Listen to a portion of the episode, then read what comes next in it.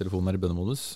Den er i, Let me check. det er ikke så veldig farlig. Vi er jo low-key. Ok.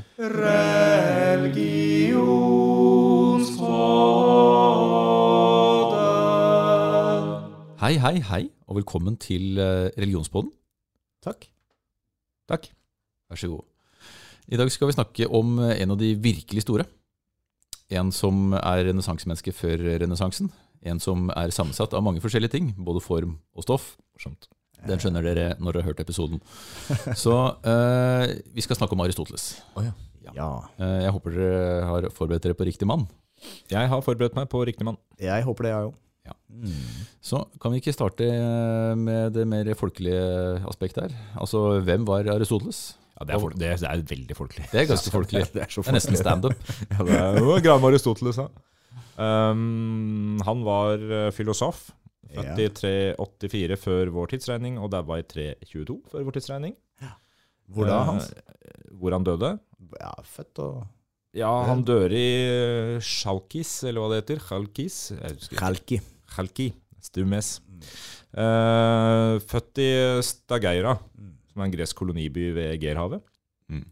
Eh, så det er det. Eh, og så dro han jo rundt, da, kom til Aten, eh, der han joina Platons akademi. Vi har vi har laget en episode om Platon tidligere. Mm, den kan dere høre hvis dere roter i arkivet vårt. Mm. Og Aristoteles studerte da under Platon. og både danna filosofi på den måten som var i tråd med Platon, og på mange måter brøyt med Platon. Ja. Ja. Og han hadde masse naturvitenskapelige studiereiser, og etter hvert så slo han seg opp som lærer for sønnen til uh, Philip 2. av Makedonia, Alexander, eh, som etter hvert ble Alexander den store da han ble litt eldre. Ja, for han var ikke stor i utgangspunktet? Nei, han var liten. Ja. Eh, så Aristoteles hadde mange, som Jørgen sier, roller. Han var jo både filosof, naturvitenskapsmann, han var eh, ja, drev jo med kunst, poetikk og medisin. Og Retorikk. retorikk, ja. Mat matematikk. Matematikk, ja. Musikk, Mhm. faktisk. Estetikk som en del av filosofien. Og han drev jo da også type som barnevakt da, for Alexander, Ja, Alexander. det var det viktigste han gjorde. Alexander Ja, ja, den lille. Eh, og så blir det opprør i, Arist i Aten, ikke i Aristoteles, det kan jo også hende selvfølgelig at han hadde indre demoner, men det vet jeg ikke noe om. Han, det ble opprør i Aten, og så flykta han derfra i 322, før han da dør året etter. 323, og så dør han året etter i 322, i uh, Khalki, Ja. nord for Aten. Flykta han i 323 og døde i 322? Er før Kristus. Der fikk vi inn den.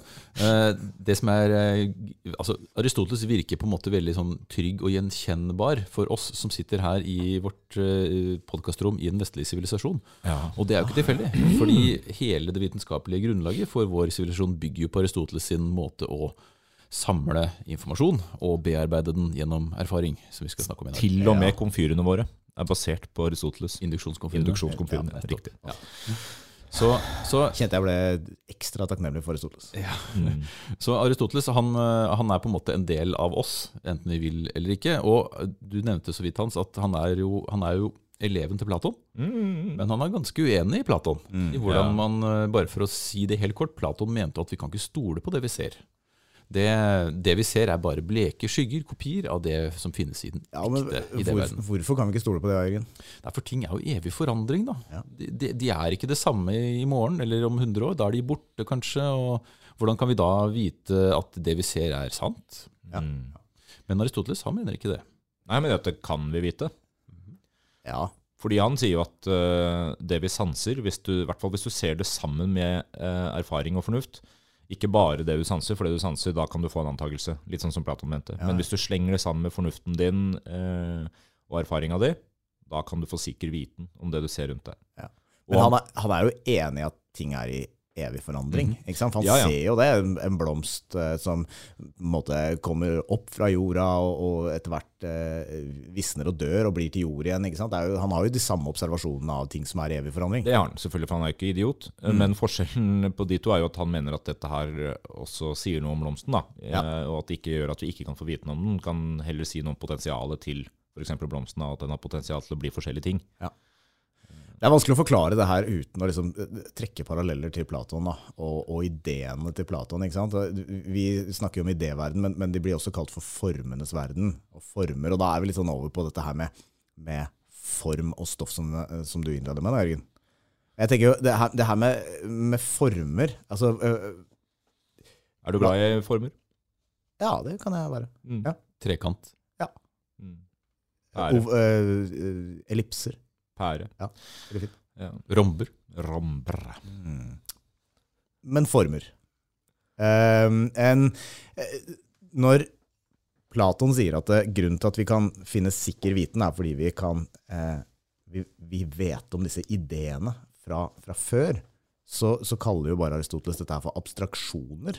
Så istedenfor at det er noe du har kunnskap om fra før, så, så, så er du inne på det der med erfaring. ikke sant? At det, hvis du har sett nok eh, stoler, så klarer du å trekke ut abstraksjonens stol. Konseptet, ja. Konseptet. Og lage et begrep. Og, Ja. og der er jo de også enige for så vidt i at begreper er viktig. Altså Mm. Vi danner oss begreper. Platon mener bare at begrepene er knytta til ideen, så begrepet eksisterer på en måte, eller vi lager begrepet på ideene. Mm. Aristoteles mener at vi trekker ut en abstraksjon som vi lager et begrep på. Begrepet stol ut fra sammensetning av mange observasjoner av stoler. da. Ja, ja. Hva slags del av filosofien skal vi finne, legge et begrep på dette? her? Hva er det man kaller den delen av filosofien her?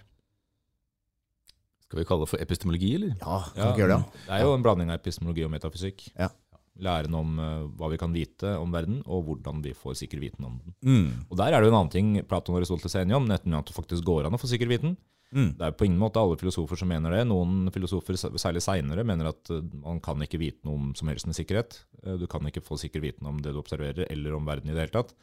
Eh, Aristoteles og Platon er for så vidt enig i at det går an, men på forskjellige måter. da. Mm. Ja, Du har f.eks. Kant, som eh, kom senere og mente at alle har sine briller.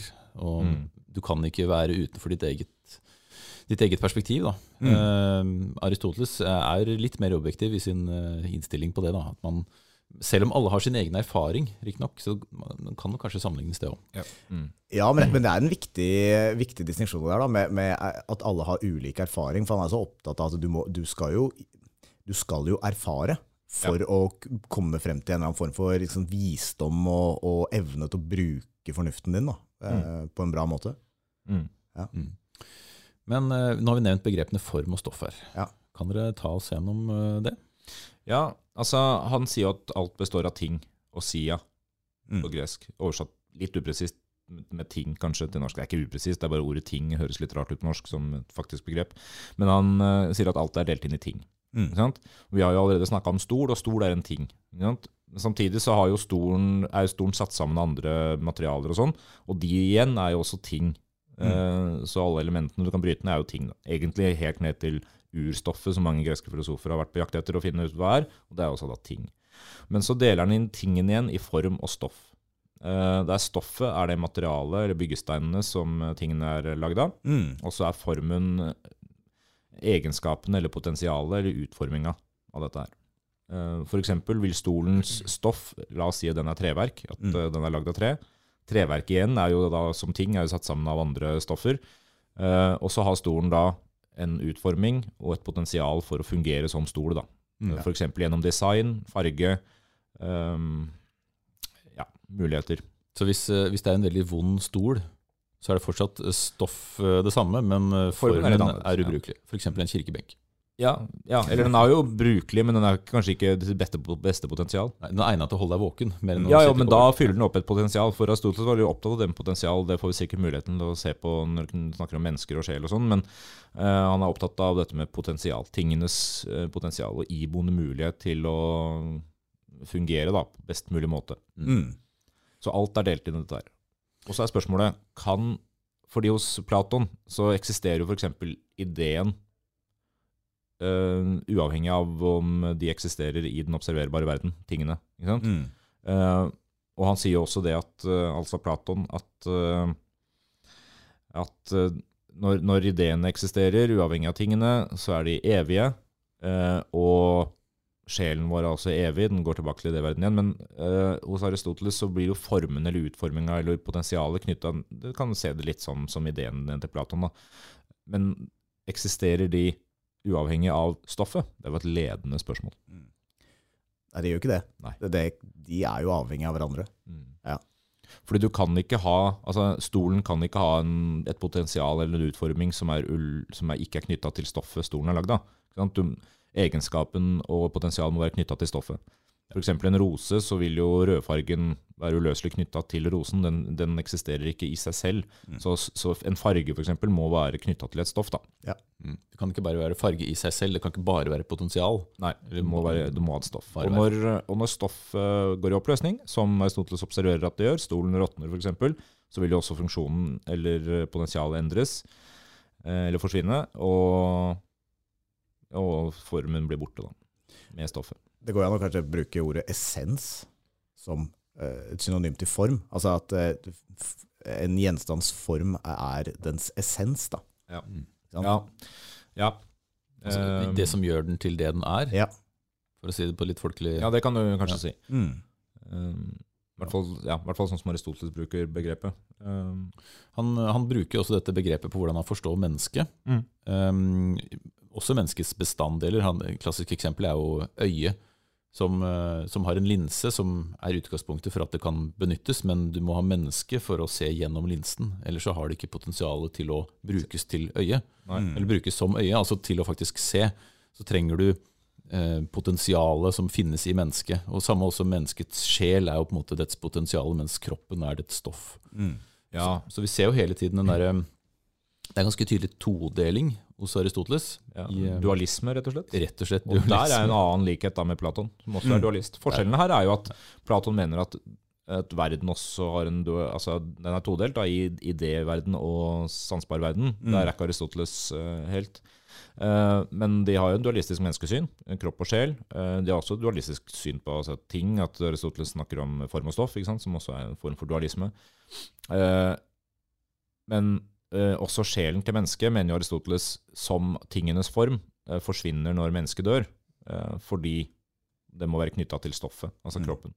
Så når kroppen ikke huser sjelen lenger, så forsvinner sjelen. Så det er litt uklart om man ser på, synes jeg i hvert fall, om man ser på sjelen som en, som en konkret gjenstand i kroppen, eller om det bare er på en måte summen av, av egenskapene dine, omtrent som i buddhismen. Men ja. Det er ikke nok en parallell som vi ikke gidder å forklare. Men, uh, men ja. Uh, så når uh, kroppen dauer, så forsvinner sjela. Eller potensialet eller essensen til mennesket blir borte. da. Og når, når vi liksom, la jo grunnlaget for, for denne epistemologien i, også i kraft av at han er en naturvitenskapsmann, så trekker han jo frem dette her med, med at tings potensial. Der, det berømte eksempelet om eikenøtta, eh, som, som, jeg tror Aristoteles faktisk snakker om det at eh, så, så fremt det eksisterer jordsmonn og vann og, og, hele den biten der, sånn som, som man kan plante eikenøtt i, så ligger potensialet til eikenøtta til å bli et eiketre.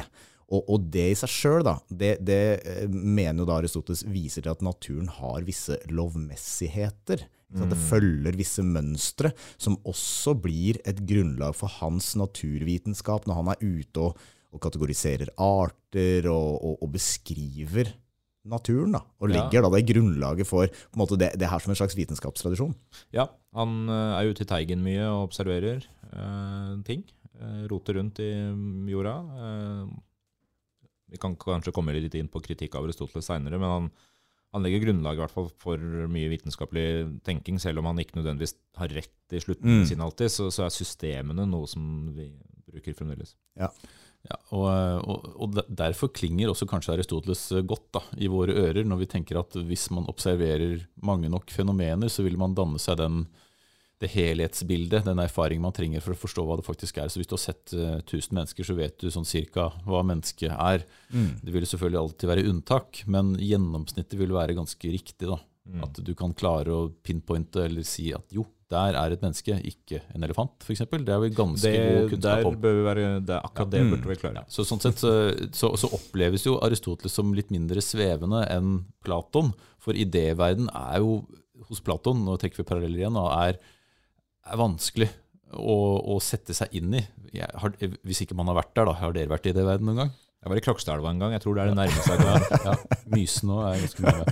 Men, eh, men, er, men, Aristoteles er på, på, sett og vis eh, veldig konkret. da, og, og, og om, det, om, det, er fordi at han bare at ideen hans er god, eller at vår tradisjon bygger på Aristoteles, og derfor syns jeg ideen er god, mm. det veit jeg jo ikke. Men, eh, Nei, altså Deler av tradisjonen vår bygger også på Platon.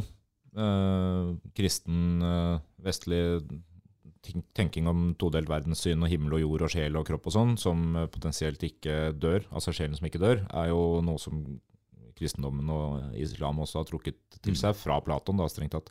Så vi har jo med oss arv fra begge to, men vitenskapssynet har vi jo fra Aristoteles. ja. Og vi har også begreper som du, vi har nevnt her, induksjon og deduksjon, og det som kalles hypotetisk deduktiv metode, som alle som tar X-Fill sliter seg gjennom. altså Disse begrepene kan man jo knytte til Aristoteles. Men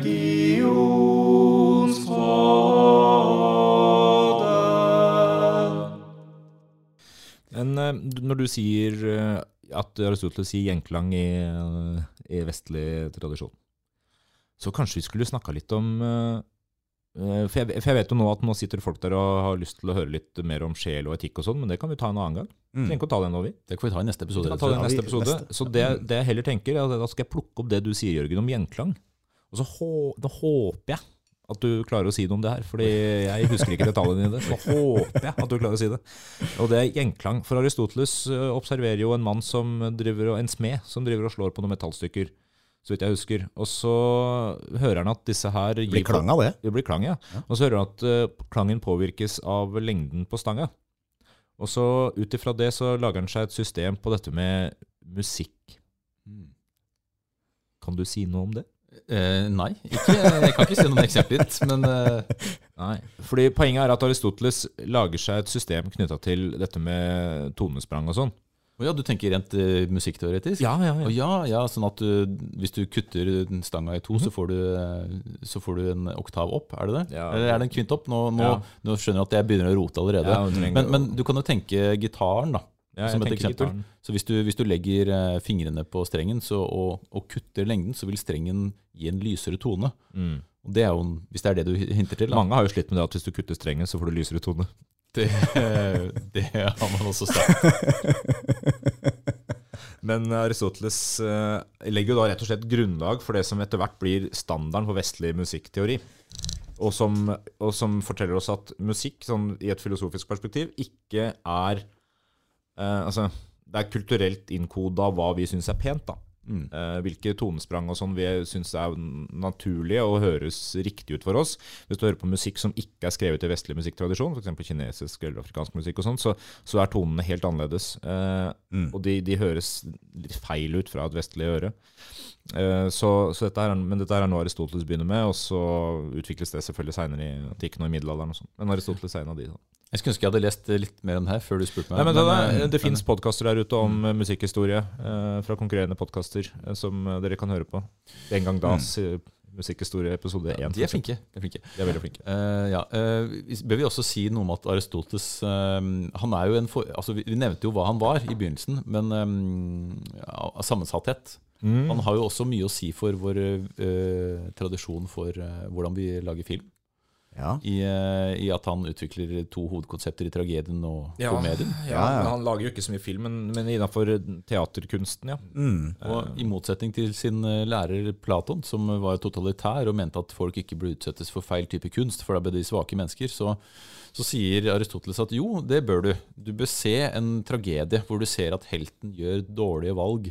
Fordi da kan du gjennom en slags katarsis, en, rens, en, en Renselse. renselse, Mm. eh, unngå å gjøre de samme feilene. At du, kan, du kan forstå at jo, det var et dårlig valg, da gjør ikke jeg det. Du kan, du kan samtidig også bli beveget. ikke sant? Altså, f eh, teater, film og musikk kan gjøre noe med deg følelsesmessig, men det å, det aldri, å, opplevd, aldri opplevd. det, det å faktisk se en film du syns er skummel, det betyr at du kan utsette deg sjøl for en situasjon som ville vært skummel, men du er i trygge omgivelser. Altså, du kan erfare noe Ja. uten å faktisk utsette deg for fare. Du, Det er erfare uten at du er i fare. ja, ikke sant? Det er perfekt. Det er det. Da slipper man å gjennomgå det, den du, helten, som, heltens downfall, som, eh, som man bare observerer, istedenfor å gjenoppleve det Mm. på egen hånd. Men det, det, det, her, det her får jo også litt sånn eh, betydning for hvordan eh, antikke Hellas forholder seg til sykdom. Gjør det ikke det, karer? Jo da, fordi man får jo et holistisk syn på sykdom. Altså et uh, syn på sykdom som både handler om at kropp og sunn sjel i et sunt legeme eller den der. og Aristoteles er en bidragsyter der delvis også, i det at, det at du kan helbrede fysisk sykdom gjennom eh, eksponering for teater. Um, Som jo var vanlig i gresk kultur, etter Ja. ikke minst Hippokrates, den store legekunstens far, Ja. som mente at eh, jo altså, Og, og det, er det er jo også en pragmatikk i det her, da, fordi man visste jo godt at eh, hvis man begynte å skjære og, og kappe og stikke hull og sånn, så døde pasienten stort sett. Så det, man prøvde gjerne andre ting først. Ja, ja. Og, og det med å, å, å tenke psyko og soma i eh, kombinasjon er jo Mm. også en del av den tanken. her. sjel og kropp, ja. Mm. Aristoteles gjør dette her, og det, men det, det å utsette seg, se, det å se film for eksempel om farer du ikke utsetter deg for, det er jo det er litt fiffig. Jeg tenker gamle folk for eksempel, som det er, det er mindre som skal til for å vippe dem av pinnen, da, fordi de begynner å bli svake. Kanskje, de kan, kanskje man kan bare vise filmer om trekk, for eksempel. Det er skummelt. Det er skummelt for gamle Ja, folk. De er jo livredd for trekk. Ja, det er farlig, det. Men uh, har vi sagt det vi skal si om Nei. Aristoteles nå? Uh, nei. Fordi En ting til. Mm. En ting til, i tillegg til Altså, du snakker om uh, teater. Ja. Stedets, tidets enhet og alt det der, det er også noe han opererer med. Altså, han legger egentlig grunnlaget for innholdet i, i hvordan skuespill skal se ut. Han skriver om dette her. Han skriver også om poetikk, altså lyrikk og den type ting. Og han, og han lager også logikk, da.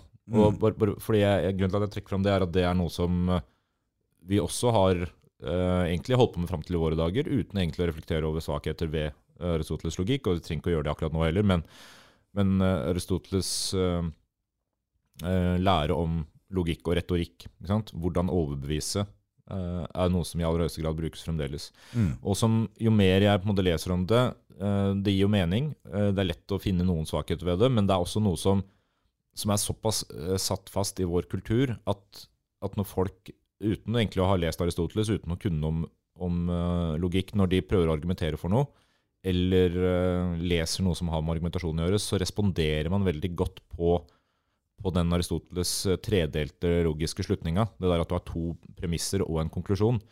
Eh, Jeg tror det er ganske Det er liksom kulturelt innkoda. da. Du ser det i reklamer, du ser det overalt. At der du har et premiss eller et to premisser og så en slutning, der, der treffer det folk veldig godt. Og det Mm. her er noe Aristoteles begynner med. Mennesker er dødelige. Sokrates er et menneske. Derfor er Sokrates Derfor død. er Sokrates død. Og du kan språklig sett forvirre folk med logikk, fordi du kan vri på ting og si at uh, mennesket er en art, Aristoteles uh, er et menneske, ergo er Aristoteles en art. Det er ikke riktig, ikke sant? men du har språklig sett uh, det, er, det, er, det høres logisk ut, men det er feil. Mm. Uh, og logikk er ikke nødvendigvis korrekt. altså Det er ikke vitenskapelig sant, men det er logisk riktig. Eh, Språklig sett. Mm. Ja, og språklig sett. ja, ja. Mm. Så, der, så derfor er ikke, det, det er huller i systemet hans, men, men det er fremdeles noe som jeg opplever at resonnerer veldig godt hos folk. Eh, og derfor vil man lettere la seg overbevise av ting som er satt i den type todelt eller tredelt system. Da. Mm. Eh, I det hele tatt tallet tre er noe som går igjen i vestlig kultur som en effektiv greie, fordi du jobber deg fram til noe gjennom tre steg. Eh, jeg tror noe av det henger sammen med Aristoteles. Vi skal eh, komme tilbake til en annen hovedgren av Aristoteles i eh, neste episode. Eh, og det handler jo om noe som også er velegna til daglig anvendelse, nemlig etikk. Hvordan man Mm. velger riktig. Men jeg tror vi slipper Aristoteles her. Ja, for da kan vi også komme inn på menneskesyn, kanskje. Det kan vi gjøre. Litt mer om det. Jeg syns du er dydig dyktig. Jeg synes du er dyktig. Dydig eller dyktig? Dyktig. Dyg, dyg, dyktig. dyktig. Ja, for det er jo også et ord man kan slite med. Dyktig. Det er jo tett i nesa. Men eh, ja, hvis ikke det, ja, nå har dere sjansen til å si det siste ord, ellers så sier vi takk for i dag. Oi, det er siste ord, ja. ja. Uh, nei. Nei. nei. Religionsfolk.